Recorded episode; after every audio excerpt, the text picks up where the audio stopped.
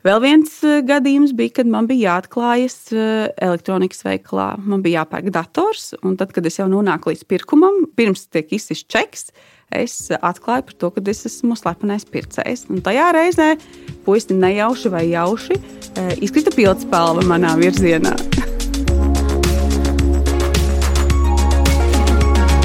Čau! Es esmu Vineta Bērziņa, un tu klausies podkāstu, kas palīdz atrast darbu. Mans podkāsts ir cilvēcīgas un saprotamas sarunas par darba meklēšanu un atrašanu. Šodien podkāstā viesojas Inga Daube. Viņa ir pārdošanas mārketinga speciāliste, kā arī podkāsta pirms darba klausītāja. Sveika! Sveika! Pirms kāda laika mums arī bija telefona saruna, kura tu minēji šo faktu, ka esi teiksim, tā, mūsu klausītāja. Un, manuprāt, Tu minēji, laikam, ka visas pat epizodes es noklausījusies. Es biju ļoti, ļoti priecīga pēc šīs sarunas. Vēl ko tu minēji, tādu interesantu faktu, ka tu esi skrējēja, tātad no rītiem skrien. tu minēji arī to, ka sākotnēji tu skrēji 3 km, un tagad jau krietni vairāk. Pastāsti, kā tev tas ir izdevies? Nu jā, viss sākās ar to, ka um, bija jāatrod kāda nodarbošanās, lai nesijuktu prātā, lai uh, būtu ar ko nodarboties ārpus darba. Un tā es nolēmu, ka es sāku skriet. Par laimi, tajā brīdī gadījās, ka es ieraudzīju tādu podkāstu, kas ir jūsējais podkāsts. Un principā jūs bijāt arī mani sabiedrotie eh, draugi manās austiņās eh, visus šos divus gadus. Un eh, citīgi klausos katru epizodi, komplimentēju, jūs esat brīnišķīgi. Jā, nu, sāku ar diviem kilometriem, tad bija pieci, tad bija septiņi. Tagad mans rekords ir 14,5 km. Wow. Un tie rīti, vakari, pusdienlaiks, kad tu to dari? Es ceļos no rīta un skrienu no rīta, selpojos svaigu gaisu un esmu gatava jaunai dienai. Super. Tad saprotu, ka tu jau 14 km droši vien vairākus podkāstus klausies, vai arī tu mūziku klausies arī. Diemžēl jūs esat par īstu. Tāpēc es klausos arī citas podkāstus, jā. jā, bet eh, nu, pagaidām gan latviešu valodā, man ir eh, nosējoti daži arī angļu valodā. Bet, eh, jā, īstenībā izrādās, ka Latvijā ir diezgan daudz podkāstu. Jā, tā ir taisnība.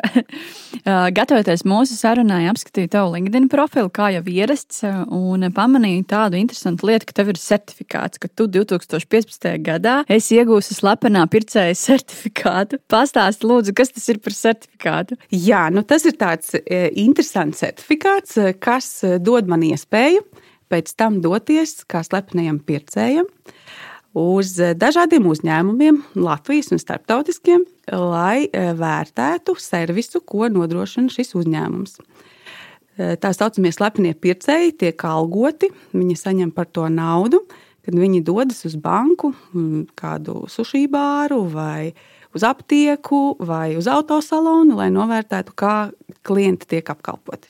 Vai tā ir profesija, vai es pareizi saprotu, vai drīzāk tā tāds hobijs vai papildu ienākuma avots? Tā nav profesija. Latvijā viņa noteikti apgūt nevar. Es, profesija klasifikātorā droši vien nav slepenais pircējs. Jā, es domāju, arī kaut kur, nu, var jau būt, ka pasaulē ir, bet eh, neesmu droša. Par īsti darbu to laikam nenosaukt, jo tik daudz naudas tu nopelnīt nevar. Var jau būt, ka var, un kāds to tiešām eh, tad noteikti, lai sazinās ar tevi, jā.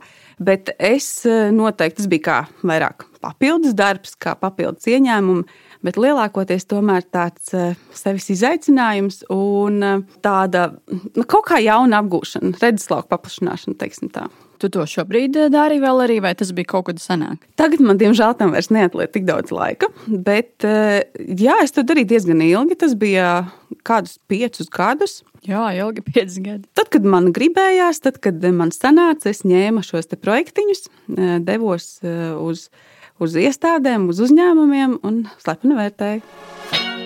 Kā ir, vai tev ir iespēja, vai tev drīzāk bija iespēja izvēlēties, ko tu vērtēsi, vai tur savukārt ir tā, ka tev ir uh, atnāk šis ēpasts, re, kur piemēram ir piemēram zobārstu klīnika uh, vai nezinu, autosalons, un tas tev ir jādara, vai tev ir izvēles iespējas, ko tu gribi, ko tu negribi? Jā, izvēles iespējas ir. Tad, kad tu esi nokārtojis šo certifikātu, tu esi pieredzējis sistēmā, un tev regulāri nāk piedāvājumi, ko, no kā tu vari izvēlēties. Tu ienāc sistēmā un izvēlējies to, ko tu vēlēsies. Man bija ļoti svarīgs šis te teritoriālais princips. Es lielākoties izvēlējos tādus uzņēmumus, kas atrodas netālu no manas mājas, lai man nebūtu lieki izdevumi attiecībā uz transportu.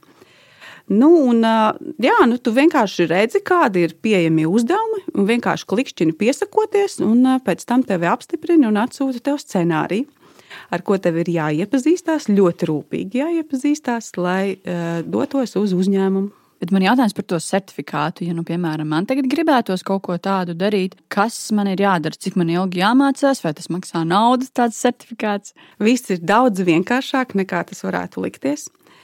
Es pirms mūsu sarunas vēl iegūlēju, un Latvijā ir nu, vismaz pieci uzņēmumi, kas piedāvā šādas iespējas. Es konkrēti darbojos Daiva Latvijā. Un viss bija ārkārtīgi vienkārši. Nezinu, kā tas ir šobrīd, bet es vienkārši iegāju, pierakstījos, nokārtoju šo certifikāciju, attālināti. Tas tātad ir online. Vienkārši izpildīju šos uzdevumus, atbildēju uz jautājumiem un varu sākt strādāt. Tātad tas ir burtiski pāris minūšu jautājums. Jau. Tieši tā. Pirms jā, mēs ķeramies pie tāda konkrēta gadījuma, gribēju vēl te pavaicāt par to, kā tas notiek. Vai tas ir tikai klātienē, vai vērtē arī, piemēram, pa telefonu apkalpošanu, kā arī šobrīd populāri šeit Zoom un citi sazvani, piemēram, klienta apkalpošana, varbūt čata veidā, e-pasta komunikācija. Jo man radās tāda sajūta, ka tas ir tikai nu, klātienē. Varbūt es kļūdos. Tagad ir nākuši klāt, jā. Tad, kad es vērtēju, es godīgi sakot, ņēmu tikai klātienes. Jo man tas kā, mans mērķis bija paplašināt savu redzeslauku, tad, teiksim, telefona saruna, diemžēl, tur īpaši neko neuzlabos. Ne manā komunikācijā, ne arī kaut kādā veidā atklās kādas jaunas lietas. Tāpēc es pārsvarā izvēlējos tieši klātienes. Ir iespēja, jā, es, es redzēju, ka var pa telefonu vērtēt, bet pa telefonu vērtēšanu ļoti maz maksā. Tur ir pāris eiro, līdz Jā. ar to arī tas laiks, ko ieguldi šajā, te, nu, neatmaksājas tā īsti. Kur vairāk maksā un kādi aptuveni ir tie cipari, ko tad var iegūt par vienu šādu, piemēram, veikala novērtēšanu klātienē? Cipari ir dažādi atkarībā no tā, cik grūts ir scenārijs un kāda ir papildus teiksim, nosacījumi. Nu, tā, piemēram, kafejnīcu vērtēšana parasti aiziet pirmā. Ja tiek izlikti uzdevumi, tad kafejnīcas tiek izņemtas pirmās, jo tur var tikt pie bezmaksas pīcis vai bezmaksas suši. Jā, Lieliski, jā. Uh, nu, tur var saņemt 5, 10 eiro. Šo atkarībā no tā, kā, kā, kas par uzņēmumu ir. Ja tu vērtēsi autosalonu un tev jau ir vajadzīgs B kategorijas tiesības, un tev ir jāveic šis te testa drives, uh, tad jau samaksa ir lielāka un tie jau būs vairāki desmit eiro. Nu, piemēram, par to pašu zvanu būs attiecīgi mazāka samaksa. Viss ir atkarīgs no tā, cik uh, sarežģīts ir šis uzdevums un uh, kāds. Jo, piemēram, attiecībā uz vecumu vai, vai kaut kādiem citiem kritērijiem, vajadzīgi ir arī studenti, vajadzīgi ir arī pensionāri. Jo, piemēram, lai noformētu kaut kādu bankas pakalpojumu, kas ir paredzēts vecāku gadu gājumu cilvēkiem, kaut kādi senioru piedāvājumi, ir vajadzīgi arī šādi cilvēki. Man pēkšņi radās tāds jautājums, kā notiek tā apmaksa, vai ir jāslēdz kaut kāds līgums. Tagad iedomājos, nu, piemēram, kur man ir darba devējs, man ir darba līgums. Šis būtu kā tāds papildu darbs, attiecīgi man vai slēdzu līgumu, kā, es, kā man tā nauda ienāk, kādā veidā. Nekas sarežģīts. Tu vienkārši iedod savu bankas kontu. Tad, kad tu esi iesniedzis savu anketu, viņa ir izvērtēta un tavs uzdevums ir pieņemts un apstiprināts. Tev tiek nauda vienkārši ieskaitīta kontā. Nekas sarežģīts. Paņemsim varbūt kādu konkrētu gadījumu. Es pat esmu strādājusi apģērba veikalā, kur bija ļoti tādi augsti klientu apkalpošanas standarti. Līdz ar to es šo, vēl šodien atceros visu, kā tur, kā tur bija jāstrādā. Un varbūt paņem kādu konkrētu piemēru, piemēram, tirzniecības centrā veikals, liels apģērba veikals, nu vienalga kāds zīmols. Nav svarīgi, kas par zīmolu, bet, nu, piemēram, tev attiecīgi paskastītē iekrīt šis piedāvājums atnāk scenārijs, un ko tad tu dari, ko, kā tu gatavojies, kas tur varētu tajā scenārijā būt rakstīts. Okay. Iziesim tā kā cauri pa solītim. Zāra ir viens no veikaliem, kuru diezgan bieži man bija jā, jāvērtē viena vienkārša iemesla dēļ, jo man bija bērni, kurus es varēju paņemt līdzi un novērtēt Zāras bērnu nodaļas piedāvājumu. Mm -hmm. Un apkalpošanas kultūru, protams. tad tu saņem šo scenāriju. Tev ir skaidrs par to, kad tev ir jāiet iekšā, cik tev ilgi jānogaida, ir, kas tev ir jāpārbauda. Nu, piemēram, vai tu kādu redzi, ejot zālē, ko tu redzi? Ja tu redz, vari nolasīt, kā viņu sauc, tu piefiksē vārdu. Vai tev ir kāds sveicinās? Cik ilgā laikā tevi uzrunā? Ja tevi neuzrunā pēc noteiktas minūšu laika, tev ir jāvēršas pie tuvākā darbinieka un jāuzdod konkrēts jautājums. Vai nekonkrēts, kā dažreiz scenārijā var būt, gribētu tumšus, nu, nezinu, svārkus. Un tad, ko šis personāls, jeb, jeb dāma, eh, dara? Ko viņi tev piedāvā, kur viņi tev aizved un tā tālāk. Tad, kad tu nonāc jau pārģērbšanās, ja pieliekošanas kabīnē, tu paskaties, cik viņa ir tīra, novērtē grīdu, novērtē sienas. Cik bieži ir netīras uh, kabīnītes. O, jā. jā. un tas viss man ir jāpiefiksē, ko es pēc tam attiecīgi šajā te, uh, anketā aizpildu un uh, novērtēju laipnību, atbildes, uh, vārdus, cilvēku izvietojumu, viņu apģērbu. Nu, piemēram, mums ir tāda uzņēmuma Latvijā, kur ir ļoti liels dress codes, un tev ir jānovērtē, vai apģērbs ir tīrs, vai viņš ir pareizs, vai viņš ir pareizajā krāsā, vai lakatiņš ir pakreisi noteiktā mezglā sasiets vai nē. Līdz ar to arī varbūt, ja sākotnēji tāda bērnu spēle liekas, tomēr ir diezgan daudz, kas jāatcerās, kas tev ir jāizdara, un pēc tam arī jā, jāiegaumē. Jo, Kā to var atcerēties? Uzreiz rodas jautājums. Tad, kad tas uzņēmums, teiksim, ja ir, tas ir apģērba veikals, nu parasti tur ir divi cilvēki. Un, teiksim, tas scenārijs nav arī pārāk sarežģīts. Bet, ja tas ir piemēram kāds pārtikas veikals, kas ir tirzniecības centrā, kas ir liels, vai piemēram nu, drogas, ja drīkst pieminēt vārdu, kur at, attiecīgi arī ir diezgan daudz cilvēku, un veikals nav pārredzams. Tev tomēr nu, iespēja robežās ir jāpiefiksē, kur viņi atrodas. Vai, vai bankā kā sauc meiteni, vai cik viņai ir rotas lietas. Tev ir jāsaskaita, kādā krāsā viņa ir nagi. Wow. nu, jāpievērš uzmanība dažādām detaļām, un to atcerēties. Nu, kā sauc meiteni, vai viņu sauc Katrīna? Katerīna vai Jekaterīna. Nu, dažreiz ir. Bet, nu, protams, ja tu nevari atcerēties, tu vienkārši nosauc to uz, konkrēto dāmu, kā viņa piemēram izskatījās. Meitene ar tumšiem matiem. Atgriežoties pie, tās, pie tā veikala, piemēram, zāras, cik aptuveni ilgi varētu būt šī vērtēšana tādai zārai, kur tu vērtē to bērnu, piemēram, nodaļu? Atkarībā no scenārija, bet pārsvarā tas neaizņem vairāk par 20 minūtēm. Īstais darbs sākas tad, kad tu izēj no veikala, kad tev ir jāpiefiksē. Jo, nu, tu tā tad, ja tu zini, ka tev laiks ir bijis, piemēram, septiņas minūtes jānogaida, ja neviens pie tevis nepienāk, tev ir jāiet. Tev tomēr galvā kaut kā jāmēģina sarēķināt. Jo ļoti uzkrītoši, protams, būtu, ja tu tagad ņemtu visu laiku telefonu, skatītos, kad man beigsies septiņas minūtes. Ja? Tāpēc ir svarīgi Tā kā pēc tam eh, piefiksēt pašai, es, par telefonu ātri pierakstīju, kā sauc meiteni, kur kas, lai, lai es pēc tam aizpildot anketu, varētu to izmantot. Uh, Tad sākas īstais darbs, jo tad ir jāizpild anketa, un tās nereti var aizņemt pat divas stundas. Divas stundas? Kas Jā. tur ir jāraksta tajās anketās?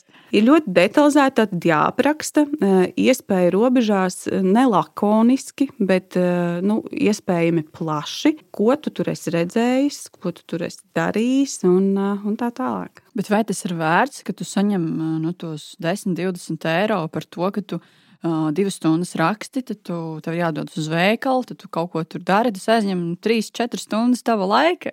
Tieši tāpēc diezinu, vai kāds var nopelnīt samērīgu algu tikai slepeni vērtējot. Tas ir arī iemesls, kāpēc nu, teiksim, man tas nav bijis kā pamata nekad. Un, uh, jau pēc pirmajiem vērtēšanas uzdevumiem es sapratu par to, ka nu, tā, ir, tā ir tāda forša sevis attīstīšana. Uh, uzdrošināšanās un uzņēmumu iepazīšana. Esmu bijis tādos uzņēmumos, kuros pat nekad nebūtu gājusi iekšā.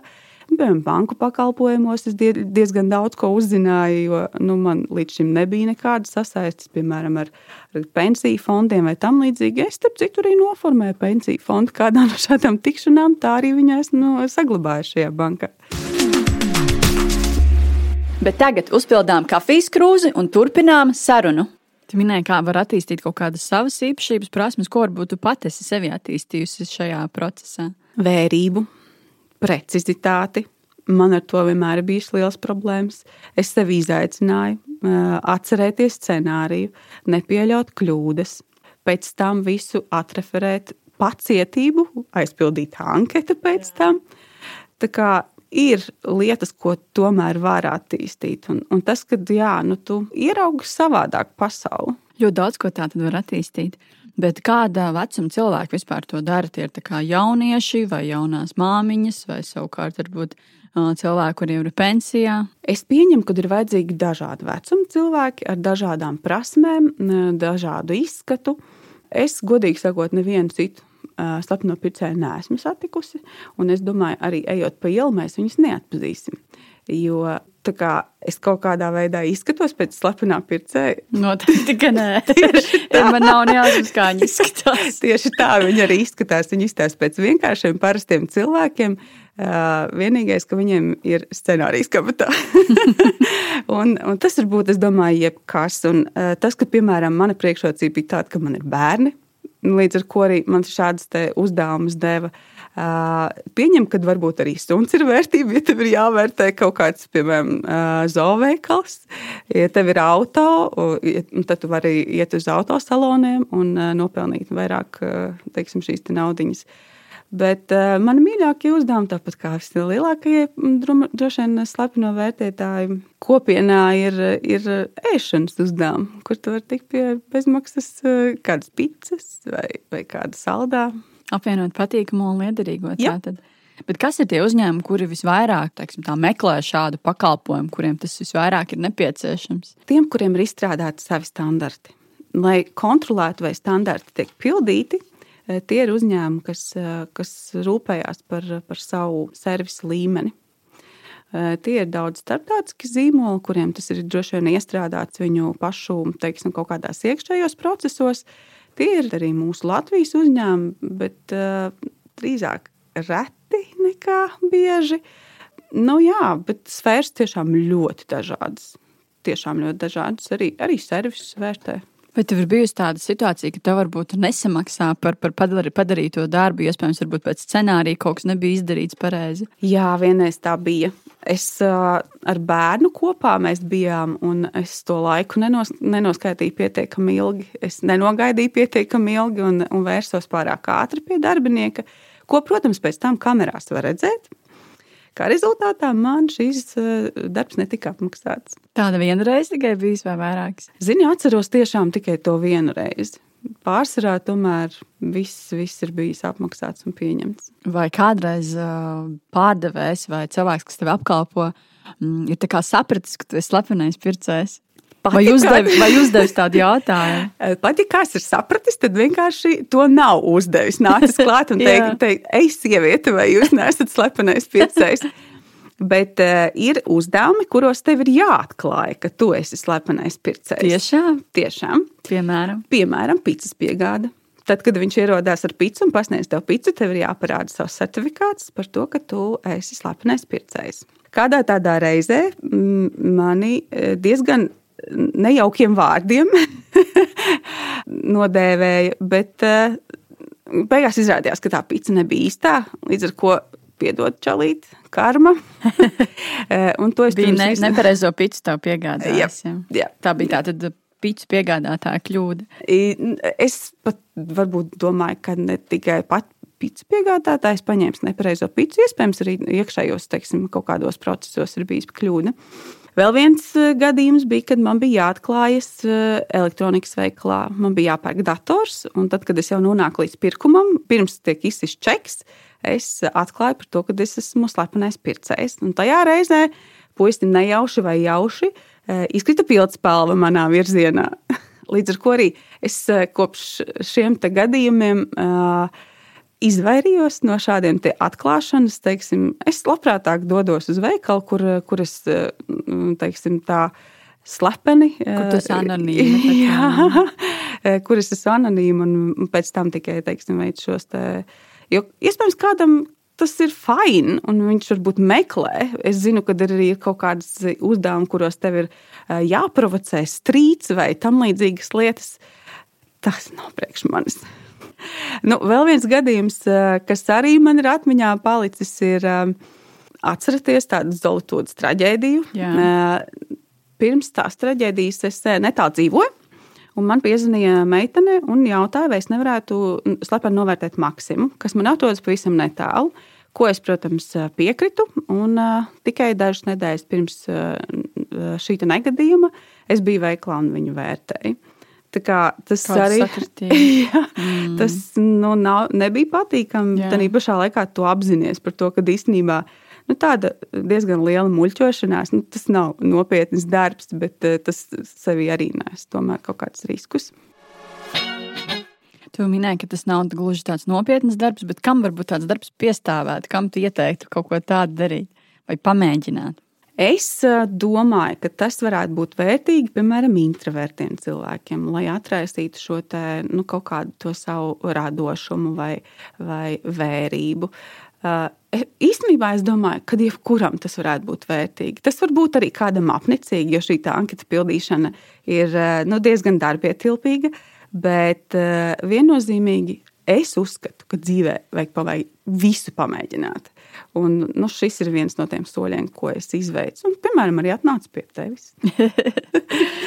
Bet kā ir, vai var arī sūtīt, piemēram, uz svešu veikalu, izpētīt konkurentu, vai tikai, tikai konkrēts uzņēmums var vērtēt tikai savu uzņēmumu? Man šādi uzdevumi nav bijuši. Nav bijuši. Ja, ja kaut kas tāds pastāv, tad es neesmu šādā veidā Jā, nu, iespējams, ka ir arī eh, kaut kādi uzņēmumi, kas arī slepeni vērtē, nu, bet savādāk to profilē. Es pārsvarā tieši servisu vērtēju.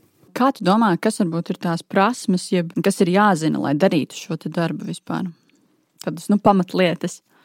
Jo, piemēram, varbūt kāds klausās, klausītājs domātu, o, es varētu, tad lai viņš saprastu, kas viņam ir jāzina vai jāprot. Patiesībā nekas daudz nav jāprot, ir vienkārši jābūt pietiekami drosmīgam un jāapzinās par to, ka nu, būs jāpastrādā. Tā nebūs ļoti viegla nauda. Tev būs jāiegaumē šis scenārijs, un pēc tam viņš skrupulozi jāpilda, lai tu varētu pēc tam pēc anketas aizpildīšanas saņemt arī naudu. Un kā ar valodu zināšanām? Atkarībā no kādas uzdevumus tu ņem. Jo, ja tev uzdevums ir krievu valodā vai angļu valodā, un tev tādas valodas priekšrocības ir, tad tu vari viņu, iespējams, viņš arī būs eh, labāk novērtēts tieši naudiskā ziņā. Jo tās jau ir papildus prasmes. Bet vai tu esi pamanījis, ka nāk tādi piedāvājumi vairākās valodās, angļu, krievu, latviešu? Vispār ir bijis, jā. It īpaši, es domāju, ja uzņēmums eh, nav Latvijas uzņēmums, iespējams, ka ir kaut vai telefons zvans. Man tāds interesants jautājums, vai slepeniem pircējiem ir varbūt kaut kāds savs uh, čats, kur viņi apmainās ar savām pieredzēm, kurioziem, notikumiem un tā tālāk. Tā kā tālbraucēji par ācijām. es varu jau būt, ka kāds arī ir, bet es tādas nezinu.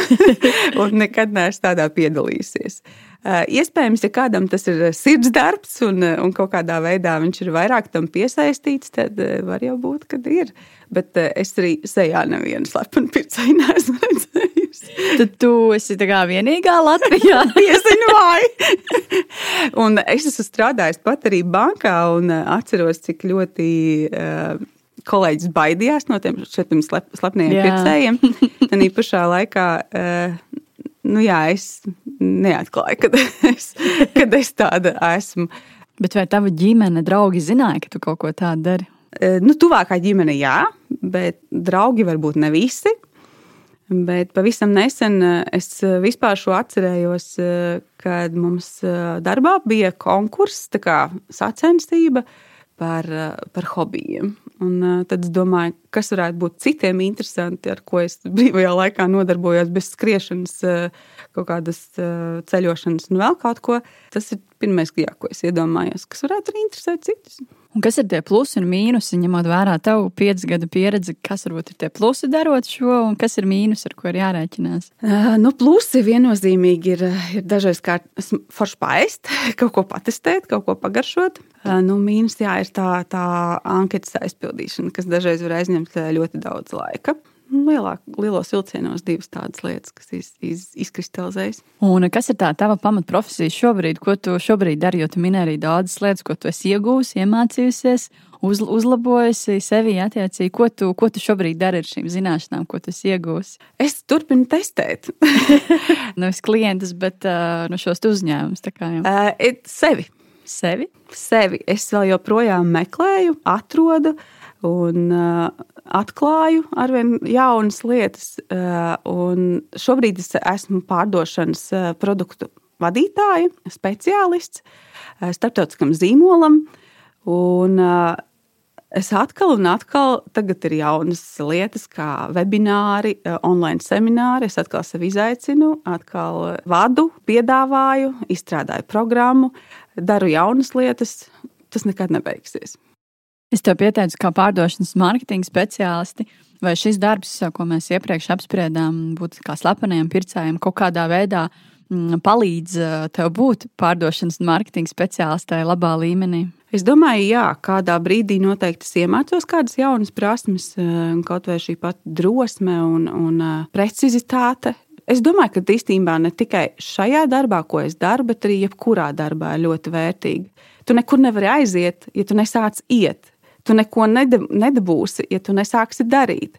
Un eh, es pie tā turos, un, ja man piedāvā kaut ko jaunu, es saku, jā, un vienkārši lēcu iekšā. Paldies, Inga. Man arī liels prieks bija satikties uh, dzīvē, aprunāties par tavu kādreizējo profesiju, tā var teikt, nodarbošanās. Un ceru, ka kāds varbūt klausās un šķiet interesanti un papētīs. Arī es tā skaitā uh, noteikti papētīšu uzņēmumus, kuri ar to nodarbojas, kādas notiek, cik maksā un kas to lai zina. Varbūt arī kādreiz pieteikšos. Paldies! Tev. Droši! Paldies, tev liels! Atā! Atā.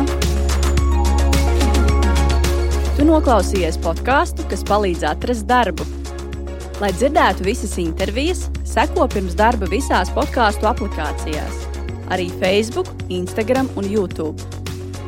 Iesaki tēmu, nāc uz interviju vai reklamē savu uzņēmumu podkāstā. Kontaktus atradīsi epizodes aprakstos un manā LinkedIn. Uz sadzirdēšanos!